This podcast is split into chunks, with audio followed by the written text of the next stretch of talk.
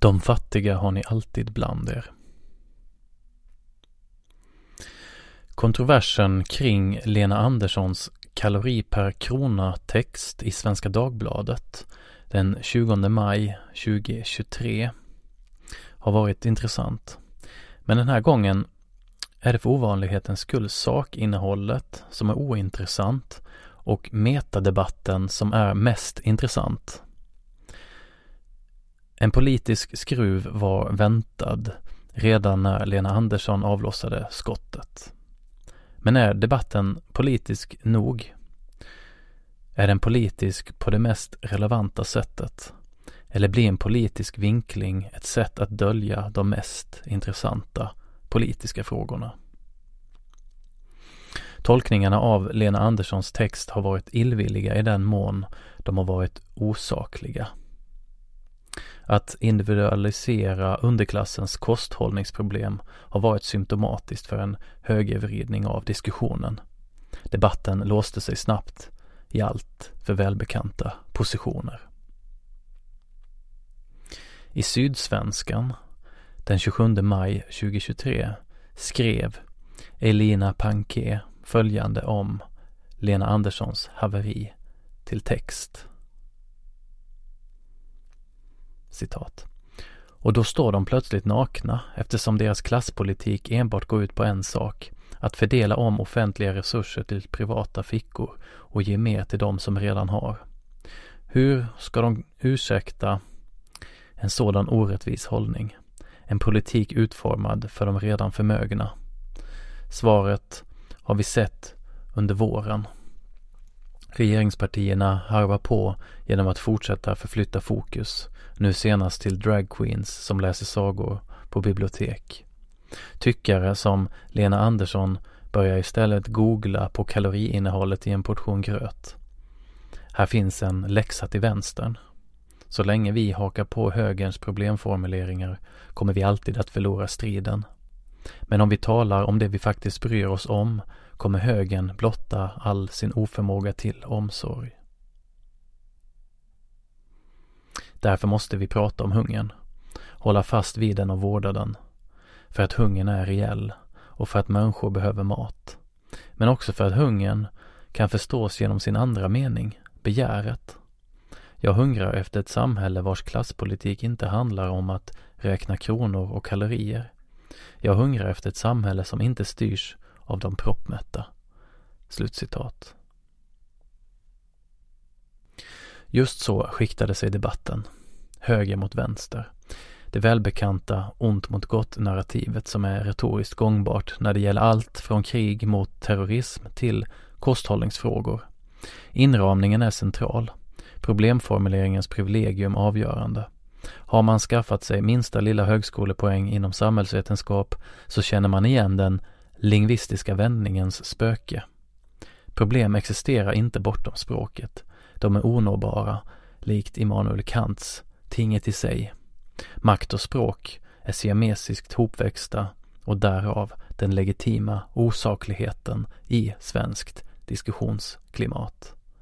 Den maktbetonade politiska inramningen blir centrum. Gott nog, kanske. Men jag tror att även höger-vänster-uppdelningen missar poängen. Problemet är ju att välfärdsstaten nedmonterats både av högern och vänstern. Det finns liksom inga alternativ, tycks det, till en nedmonterad välfärdsstat.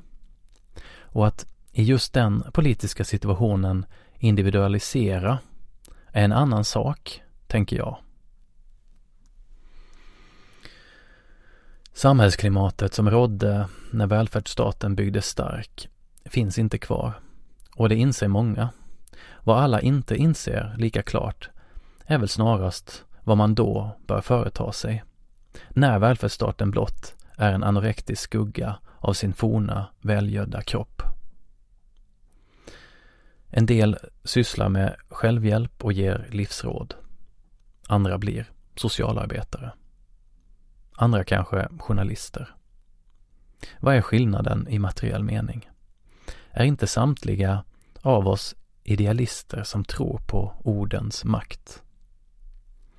På tal om ordens makt så äger konsten att vantolka ett underhållningsvärde som lämpar sig bra för vår cyniska, medierade samtid. Lena Andersson blev vantolkad. Och då kanske det är fritt fram att vantolka också den andra sidan i debatten. Tänk om någon skulle få för sig att vantolka Elena Pankes artikel. Hon förespråkar i sin text att hålla fast vid hungern och vårda den. Ja, för vad vore egentligen tykonomerna utan sociala problem? Det är ungefär samma sak som frågan vad vore socionomerna utan sociala problem? Vi är alla beroende av att det finns sociala problem. De fattiga har ni alltid bland er, som mästaren sa. Han som botade både sjukdomar och hjärtan för att förkunna Guds storhet. Lena Andersson är konkret och saklig, alltför saklig. När hon vill hjälpa blir hon anklagad för att individualisera problem.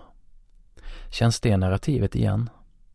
Det är kommunisternas kritik av reformismen och socialarbetarna. De åtgärdar inte systemproblemen. Socialarbetarna sopar bara upp spillrorna i ett bristfälligt system, heter det. Ja, men vad gör tyckarna som är bättre?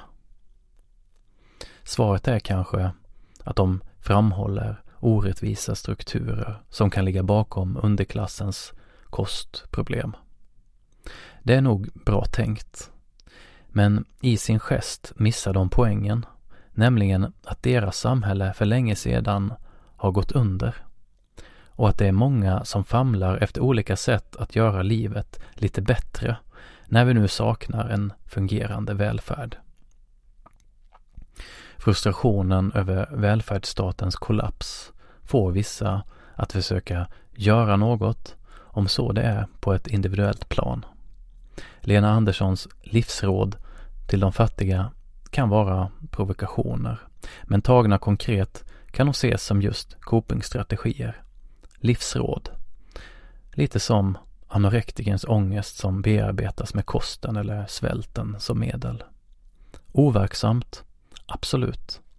Men förståeligt och i någon mån meningsfullt utifrån sjukdomsbilden. Vänstern och högern tror inte på varandras lösningar, naturligtvis. Men är det verkligen en sanning värd att upprepa decennium efter decennium? De fattiga har vi alltid bland oss. Och ur deras elände kan allt från journalister till socialarbetare och författare livnära sig och göra sin storhet känd. Men på vilken grund och av vilka orsaker? Nu närmar vi oss den stora frågan. Den kanske viktigaste. Vad är egentligen ett verkligt engagemang för de fattigas sak?